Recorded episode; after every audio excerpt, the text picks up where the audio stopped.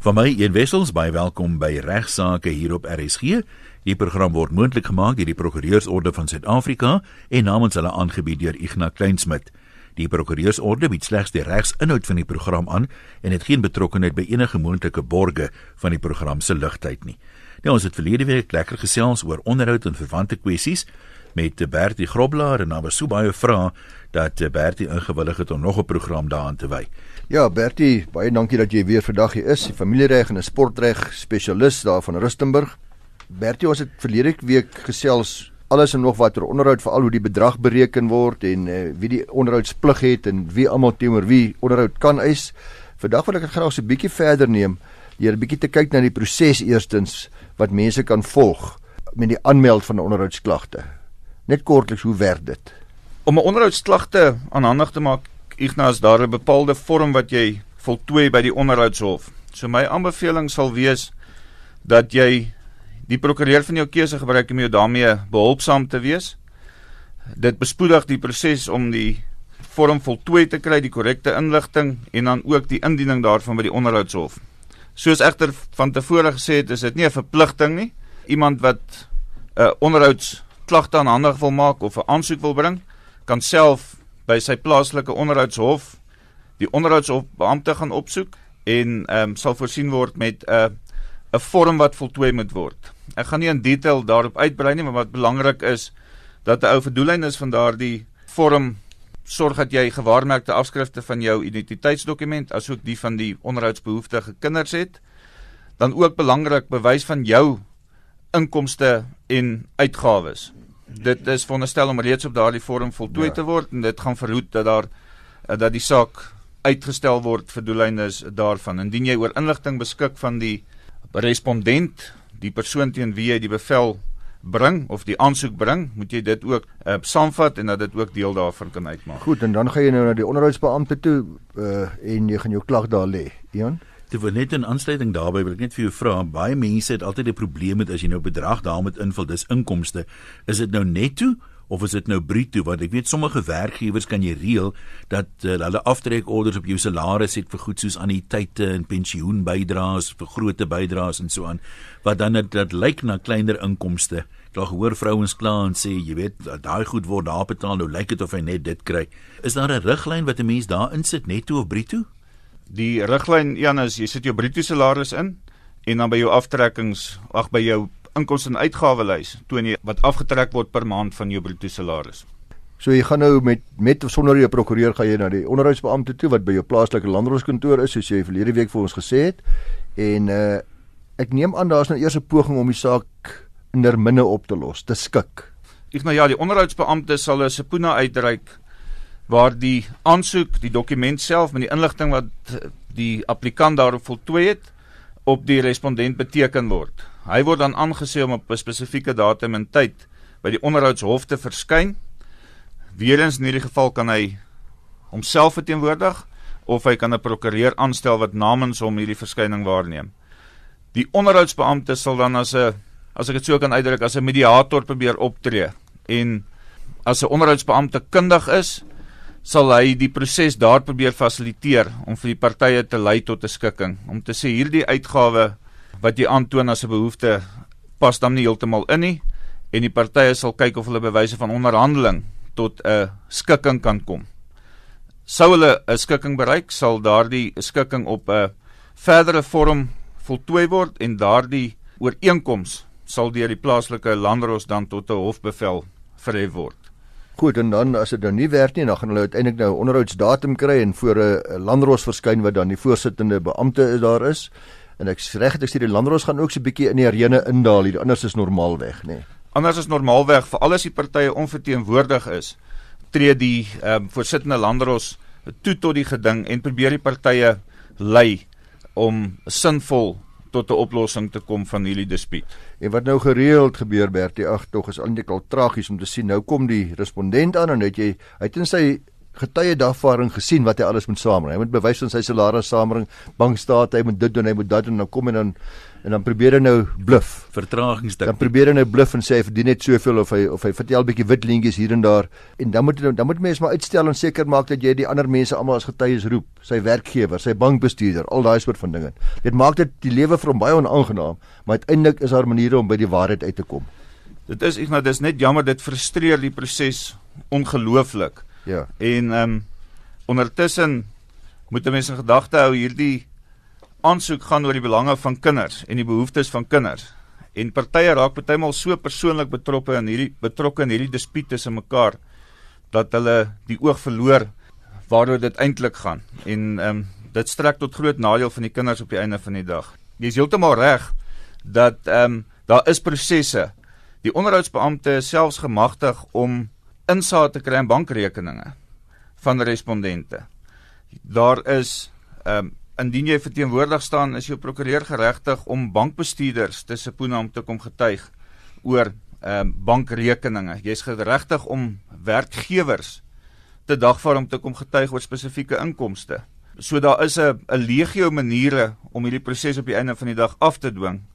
Dis net die frustrasie wat daarin gebonde gaan en die die koste aspek ja. vir die applikant wat wat noodwendig negatief is. Ja, gaan Ian sê vir jou sê die briewe is duidelik daar is talle mense daar buite wat ongelooflik gefrustreerd is met die feit dat hierdie man aanhou weghardloop van plek tot plek of die ek sê die onderhoudspligtige dit is nie altyd die man nie uh en dat hy alles in sy vermoë doen om so min as moontlik te betaal. Nou ek sê altyd die een ding wat die reg nie kan doen en dit klink nou wreed en dit klink of mens uh, nie simpatie het nie, maar ek kan nie van 'n slegte pa 'n goeie pa maak nie nie die hof nie niemand nie en dis vreeslik om te sien hoe hoe sleg mense kan wees. Ja, daai pa se waarskynlik as getroude man ook 'n slegte pa gewees het. Korrek ja. En jy het jou bed opgemaak toe jy hom gekies het destyds en is jammer dat die die en dis die ander probleem, die werklose persoon Bertie. Uh, daai daai die spreekwoordelike bloed wat nie in die klip getap kan word nie. En dit is 'n uh, aan hierdie kant met 'n positiewe gesindheid dit ook sê, dit gebeur regtig in ons huidige ekonomiese omstandighede dat daar baie mense is wat werkloos raak waar hy die vermoë gehad het om by te dra tot onderhoudsbehoeftes het hy nie meer nie. En hy het net soos die applikant wat wil aansoek doen om verhoogde onderhoud of 'n onderhoudsbydra, het so 'n persoon ook die reg om die onderhoudshof te nader vir 'n wysiging van die bevel en verlaging daarvan of opskorting daarvan gegee die veranderde omstandighede wat daar op daardie stadium heers. Bertie, vertel 'n bietjie vir ons luisteraars so ietsie van artikel 16 die bevel wat die landros kan maak in gevolge daai artikel. Ja, hier nou die artikel 16 uh, is die magtiging van 'n uh, onderhoudsbetaling en verpligting direk van 'n persoon se salaris. Soos jy reg kan dink, is dit in die meeste gevalle baie gemoedsrus vir 'n persoon indien die onderhoud direk van 'n salaris afgetrek word by wyse van 'n besoldigingsbeslagbevel. Dit is nie waarna ons hierna waar ons hierna verwys nie, 'n besoldigingsbeslagbevel bepaal dat onderhoud soos dit opeisbaar word direk van die werknemer se salaris by die werkgewer afgetrek word. In terme van artikel 16 kan daar ook agterstallige onderhoudsbetalings op hierdie wyse verhaal word. Iets wat ek sien in Igna, jy kan ook uit ondervinding daarvan praat ook van ehm um, uitstaande of 'n persoon se pensioenbelang en dit is iets wat verbasend min in ons reg gebeur wat ek mee te ja, doen kry. Ja dat waar mens geregtig is, waar daar agterstallige betalings is en iemand verdien argumente dalk nie meer 'n inkomste nie, maar daar is 'n pensioenbelang dat jy ehm um, daardie agterstallige betalings van die pensioenbelang kan verhaal. So meneer die geskeide wat luister, mevrou die geskeide uh enkel ouer wat luister, hou in gedagte dat wanneer die ander party die onderhoudspligtige werk, dan is daar 'n maklike metode om dit direk van sy salaris af te neem of van sy pensioen af waar dit agterstallig raak moet die onderhoudspligtige toestem daartoe of of uh, kan 'n mens dit direk met die werkgewer reël? Ja, die dis bewyse van 'n hofbevel, 'n besoldigingsbeslagbevel of artikel 16.1 bevel soos ons dit uitdruk moet deur die hof toegestaan word by wyse van aansoek. So dit is nie 'n reëling wat die jy direk vat dit vir die werkgewer en as dit dan moet hy dit doen. Word tipies na die betaalkantoor toegeneem van die werkgewer en dit word direk afgetrek. Sou 'n werkgewer versuim om dit te doen, En dis 'n interessante kan daar by wyse van 'n lasbrief daardie uitstaande verpligting verhaal word nie van die onderhoudspligtige nie, maar direk van die werkgewer. Ek het so 5 maande gelede argumente onthaalwe 'n bietjie onder die invloed uh met uh, van Baggus se probleme het ek 'n uh, verhouding met 'n meisie gehad wat een aand gedier het daar by die rugbyklub van Durban en uh 5 maande daarna kom sy sê ek is die pa. Baba is gebore. Wat nou? Ek besef man, dit kan nie ek wees nie en ek weet dit was nie ek nie en ek weet wat gebeur het en wat ek nogal lief. Daar's altyd 'n mooi storie agter die storie, maar ek wat saam met te doen is ek as ek vinger na my toe gewys word as die pa. Ek nou jy kan as jy die eerbare ding wil doen en dit erken, dan verloop daar 'n bepaalde proses as jy egter Nie sommer nie, ek dink jy moet maar verder verduidelik. ek het nou die hele storie vir jou vertel, maar dit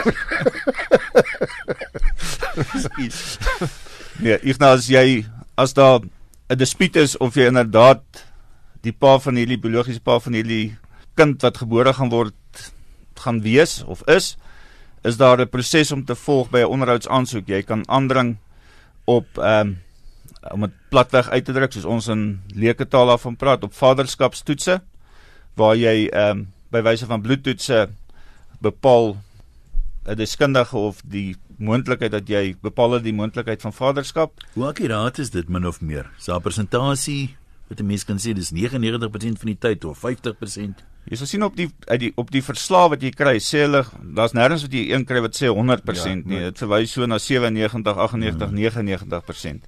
Maar ek moet vir jou sê in my tyd van praktyk het ek nog nooit te doen gehad met een wat dit na die uitslaa verder ontken word. Dit word medies so beskou as as, as ja, positief. As jy so onskuldig is soos Ignas dan moet jy weet as dit dan nou wys jy is nie die pa nie dan laat jy dit net daar. Ja. En as jy Ignas moet jy dan moet jy as jy daadplaas moet jy die dominee gaan sien en soos 'n meiskutte wat gesê het hy is onskuldig want die dokter was so dom en die bloed het sy vinger uitgetrek.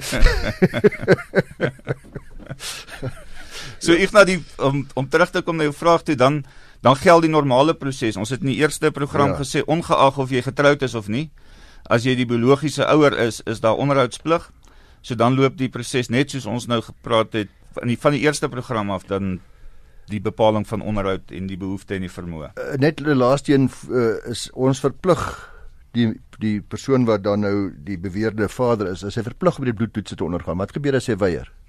Kan weier om dit te doen, maar die hof gaan dan 'n uh, negatiewe afleiding daaruit maak en die bewyslas kwessie sal ehm um, by wyse van getuienis aangespreek word en dan sal in 100% van die gevalle wil ek sê teen so 'n uh, persoon bevind word deur die hof. En ek aanvaar uh, die ma sal ook om in, in belang van die kind hof aansoek kan bring om hom te verplig as hy dit regtig graag. Want dit is so belangrik vir die kind om te weet wie's die pa of dit nou by hofbevel is uh, maar ook biologies. Jy kan by wyse van getuienis dit aantoon, maar die hof kan ook indien daar so 'n versoek van die applikant is by wyse van 'n hofbevel die die toetse gelas. Die gewese gade versuim om onderhoud te betaal wat ongelukkig tragies genoeg dikwels gebeur en ek wil hom 'n les leer want ek is kwaad vir hom en en hy hou aan weghardloop en hy hou aan versuim en niks help nie kan ek hom wat arresteer later on. Ek nou jy kan ons kan later oor die wesenlikheid daarvan debatteer maar ou moet 'n aanmerking neem en gedagte hou wanneer daar 'n hofbevel is tot die betaling van onderhoud en ek versuim om aan so 'n hofbevel gehoor te gee, maak ek myself skuldig aan 'n kriminele oortreding. Jy kan 'n klagte indien, 'n kriminele klagte en op versoek van die voorsittende beampte kan die onderhoudsbeampte 'n lasbrief laat uitreik vir die arrestasie van so 'n persoon. Kan so 'n persoon ook dan aangewys word as 'n swak betaler op die kredietrekords? Dis dis 'n definitiewe moontlikheid. Maar die ma moet dit seker nie doen nie, seker die onderhoudsbeampte. Die onderhoudsbeampte is die persoon wat dit gelas sou daar so 'n bevinding gemaak word. Maar nou kom ons by die gevangenisstraf uit. Nou kan die hof ook gevangenisstraf bepaal. Wanneer jy jy skuldig aan 'n misdryf, nou kan ek nou sou sê ek jy moet uh, gevangenis toe gaan, maar die sinvolheid daarvan moet ons bietjie oor gesels. Gebeur dit inderdaad in praktyk? Soos ek reeds gesê, daar's twee bene. As jy versuim om onderhoud te betaal, maak jy jou skuldig aan 'n kriminele oortreding. Die proses van Die kriminele vervolging kan uiteraard ook daartoe aanleiding gee dat 'n party uit vrees vir gevangenissetting wat 'n moontlikheid is, die agterstallige onderhoud op datum bring. Wat my aanbetref is die meer sinvolle manier om soveel regtelike stappe te neem uit hoofde van daardie kontraktuele verpligting wat tot stand gekom het en wat bevestig is in terme van 'n hofbevel. En dit is om by wyse van eksekusiestappe die agterstallige onderhoud te verhaal. En dit is amper maak ek die fout om te sê dit is so maklik, maar dit is so eenvoudig. Dit is nie so maklik in praktyk altyd nie. maar dit is so eenvoudig om 'n uh, aansoek om 'n lasbrief te doen waar die partye eetsverklaring aflê, waarin jy die omstandighede uiteensit, bevestig die hofbevel, bevestig die skikking tussen die partye of die onderhoudsbevel en versoek dat 'n lasbrief uitgereik word waarin daar beslaglegging van roerende of onroerende bates kan wees ten einde die agterstallige verpligting te delg. Sou 'n onderhoudspligtige wel strafregtelik gefonnis word tot gevangenisstraf, skryf dit dan die onderhoud af tot op daai stadium sodat as hy nou sy tronkstraf uitgedien het en hy beskoon bladsy begin of bly hy aanspreeklik vir die agterstallige bedrag? Nee, die aanspreeklikheid sal vestig tensy die hof om een of ander rede 'n bevinding en 'n bevel maak dat dit afgeskryf word, maar ehm um, tensy daar so 'n bevel is, sal dit bly staan en daardie verpligting sal ingehaal moet word. Ian die die vraag wat ou net vir jouself moet afvra, as iemand uit die ekonomie verwyder word en uit sy werk verwyder word, wat maak dit aan die toekoms? Betaal sy vermoë om ja, die toekoms by te dra tot die betaling van onderhoud. Die enigste kans wat eiers lê is nou nie meer daar nie. Nee, ek het al gehoor dat dat van die pa sê man, dan gaan sit ek vir 'n rukkie liewerster en dan moet jy net maar suffer as ek uitkom is en dan skuld ek ja. niks, maar dit is nie korrek nie. Ja, maar vertel 'n bietjie vir ons uh, luisteraars van Staat versus Visser. Ons is daardie hof uh, baie kreatief te werk gegaan met die straf dink ek. Ek nou kortliks in hierdie geval was die die gewese man, die pa was met 44500 rand agterstallig wat sy onderhoudsverpligting betref, maar dit was binne sy vermoë om hierdie bedrag te bepaal. Dan ons gaan nou weer terug na die vermoë en hmm. behoeftes. Die hof het hom in hierdie geval 'n gevangenisstraf van as ek reg kan onthou 1400 1440 ure periodieke gevangenisstraf opgelê wat hy moet uitdien wat hy moes uitdien oor naweke. Teken hy verloor nie sy werk nie ja. Hy kan steeds voortgaan om inkomste te verdien. En die hof het dan wat ek nou ook sê baie kreatief te werk gegaan en gesê dat die ure verwinder word met elk met 15 ure vir elke 500 rand wat hy afbetaal op die agterstallige bedrag. En party mense het gedink dit is te kreatief en hierdie is verwys na appel en die appelhof het hierdie uitspraak gehandhaaf. Nee, dit is ek dink dit is nou half 'n Salomo tipe van wysheid hierdie. Inderdaad. Iets wat ons baie briewe oor kry en dit is oupas en oumas. Uh ek gaan ons moet nou nou kom dalk by as ons tyd het oor hulle regsomtyds om dalk die kinders te kan kry want dit is ook 'n ingewikkelde en 'n nie 'n maklike saak nie maar kan onderhoud van oumas en oupas geëis word. Ek nou ja, onthou in die eerste program het ons gesê die ja. onderhoudsplig of sorg sorgsaamheidsplig strek ook tussen grootouers en kleinkinders. En dan miskien daai Willem de Klerk saak. Dis altyd vir my die die beste voorbeeld van waarvan ek nou praat. Ja, die beginsel is net eers wat 'n ou moet in aanmerking neem is dan moet eerstens bepaal word of die ouers of die ouer wat 'n onderhoudsplig het as hy nie die vermoë het om dit te doen dan kan jy die ehm um, die grootouers aanspreek. Dit is nie 'n geval van waar jy sukkel met die pa wat jy sommer direk kan spring na die grootouers toe nie. En nou verwys nou na die die baie bekende saak van Willem de Klerk oud-president F.W. de Klerk se seun waar die hof hierdie spesifiek bevind het dat jy eers moet bewys dat die biologiese ouers nie die onderhoud kan betaal nie en in hierdie spesifieke geval het die hof gesê tensy daar geen sulke bewyse is dat kan die hof die grootouers nie aanspreeklik hou hou vir die betaling van onderhoud nie. So in hierdie geval kom ons sê nou maar ek en ma en die pa, die pa het 'n ryk ouers en die ma het baie arm ouers, dan is dit nie 'n geval van die een ouer se onderhoudsplig vloei reguit na die ma en pa toe nie. Nee. Dis eers as een van die twee ouers kan betaal, dan is daar nie eis teen een van die grootouers nie. Dis korrek, ja. Bertie iets heel anderste uh dit is nou nie regtig direk betrokke by by onderhoud nie, maar wel by egskeidings. Dis 'n saak wat vir die mense baie moeilik is om te verstaan. Dis 'n hele kwessie van aftrekkings van 'n pensioenbelang. Aan die woorde die die vraag is wanneer kan mense pensioen, want jy doen ook baie baie egskeidings weet ek. Uh wanneer kan mense pensioenbelang se aftrekking magtig? Nou ter aanvang net, jy raak 'n punt aan, dis ongelooflik belangrik dat mens korrek geadviseer word wat die pensioen gedeelte betref by 'n uh, skikkingsooreenkoms. Dit is ongelooflik om te sien in hoeveel gevalle moet daar wysigingsaansoeke gebring word wat betref die pensioenbelang wat 'n party toeval. Hulle is verskriklik partikulêr met die met die keuses van woorde. Die woorde moet presies reg wees soos die pensioenfondse dit verlang. Om terug om jou vraag toe, ehm um, as ek vir jou kan opsom, die volgende is bedrae wat of toegelate aftrekkings in terme van die wet. Is enige bedrag betaalbaar in terme van die inkomstebelastingwet? bedrae betaalbaar in terme van 'n huislening of waarborg uitgereik in terme van die wet. Dan ook uh, interessant, nie van toepassing op ons onderwerp nou nie, maar vergoeding vir skade gelei deur 'n werkgewer as gevolg van diefstal of bedrog of oneerlikheid wangedrag van 'n werknemer binne daardie konteks. Interessant. Um, Seker eers na skuldbevinding neem ek ja, aan. Ja. Ja. En interessant is dit dat regskoste kan ingesluit word by hierdie betaling. Dan mediese fondspaemente en lewensversekeringspremies soos goedgekeur deur die registrateur van die pensioenfondswet en dan enige bedrag betaalbaar in terme van 'n egskeidingsbevel en enige bedrag betaalbaar in terme van 'n onderhoudsbevel. Ons het dit so kortliks aangeraak vroeër. Ja, ja.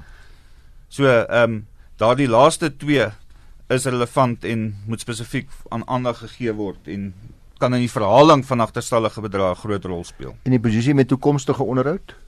Ek nou daar's 'n aangeleentheid uh, van Sentinel Retirement Fund en Metambo waar die posisie nou uitgeklaar is dat toekomstige onderhoud nou ook ingesluit is ten spyte van die feit dat die wet op onderhoud in die bespreking en uiteensetting daarvan slegs 'n melding maak van um, agterstallige onderhoud. So ek kan ook nou bevel kry as ek bekommerd is dat my man nie onderhoud gaan betaal nie, kan ek die hof voortuig dat hy ook moet sê dat toekomstige onderhoud kan direk van die man se pensioen geneem word.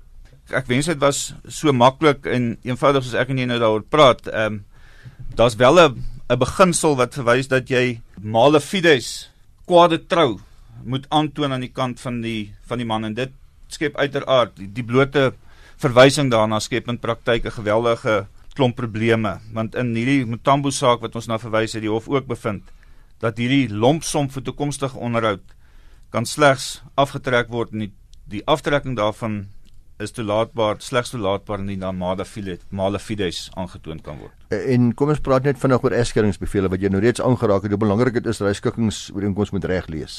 Wat sê artikel 77 en 78 dat daai twee subartikels van die wet op egskeiding? Ek nou gaan jou vraag as volg probeer opsom en te sê voor ek by 7 en 77 en 78 uitkom, die sogenaamde clean break beginsel wat die howe aangeneem het dit is die kern hoekom partye moet seker maak dat die bewoording in die egskeidingsbevel korrek is. Die clean break beginsel verwys ek daarna dat die wetgewer bepaal het dat 'n pensioenbelang 'n party eers toeval met 'n egskeidingsbevel wanneer die persoon teen wie daardie bevel toegestaan is aftree of sy of die diens verlaat wanneer daardie pensioenvoordeel daardie party toeval. Dit is die sogenaamde clean break beginsel gewees. Ag, ehm um, die clean break beginsel het daardie beginsel gewysig deur te sê nou kan 'n party val die voordeel die party toe op datum van egskeiding. En dit het 'n wesenlike impak. Jy kan net vir jouself dink Ian, ja. as jy, net die rentekomponent as jy in 1990 geskei is en die man of vrou teenoor wie die bevel gelas is, ehm um, tree eers af in 2005. Daar's geen rente verhaalbaar gewees in daardie tyd nie. So die bedrag wat 'n party dan uit die pensioenfonds verhaal het was minimaal. Die beginsel is nou na hierdie clean break beginsel deur die howe ehm um, die skoon breek beginsel deur die howe aanklank gevind het en toepassing vind dat dit jou toeval op datum van egskeiding. En dan is daar ook belangrike wysigings gewees met betrekking tot die belasting ek dink jy moet teruggaan voor 2007 nie, maar veral na 2007 want as elke keer die vraag jy kry 50% van my pensioen, maar wie betaal die belasting? Dis nou na 1 Maart 2012 die bedrag aan 'n nuwe lid betaalbaar vorm vorm dan deel van daardie nuwe lid nie lid se bruto inkomste en is belasbaar in die hande van die nuwe lid teen 'n koers gelykstaande aan die bedankings of onttrekkingstabel. Kan ek dit vir jou dan so opsom? Indien ek in 'n egskeidingsgeding betrokke is, ek is die man en ek is geregtig op 'n gedeelte van my vrou se pensioenbelang, is die gedeelte wat ek ontvang belasbaar in my hand. So as ek die uitbetaling kry, gaan ek belasting ontvang. Ek dink die een ding wat duidelik blyk luisteraars is dat uh dis maar goed om wanneer u in 'n egskeiding betrokke is, 'n spesialis prokureur te gaan sien, iemand wat uh, in die op die gebied van die familiereg spesialiseer, uh, en om seker te maak dat die belange behoorlik beskerm word, want daar is werklik nogal veral wat verdeling betref by pensioen, is daar nogal baie baie belangrike en uh, moeilike beginsels wat toegepas moet word. Ek nou ja, en selfs die ehm um, die beginsel dat by 'n egskeiding is ek ook geregtig om die deel wat my toeval na 'n ander fonds toe te laat oorplaas.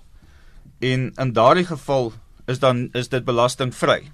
So indien ek geregtig is op 50% van my man se eh, pensioenvoordeel en ek besluit dat ek dit nie wil laat uitbetaal na myself nie of aan myself nie, kan ek besluit om dit oor te plaas na 'n uh, pensioenfonds van my keuse en in daardie geval is dit op daardie tydstip nie ehm um, belasbaar nie. Nou, ons gesels lekker, maar dis alwaar ons gaan tyd hê vandag. Bertie, wil jy dalk jou e-posadres net weer gee asseblief? Sekerlik Ian, dit is Bertie B E R T I E G @ of by vvd.co.za. Ek nou sê vir jou is altyd baie dankie Bertie, lekker gewees om jou te gesels en onthou regsaake word moontlik gemaak deur die Prokureursorde van Suid-Afrika.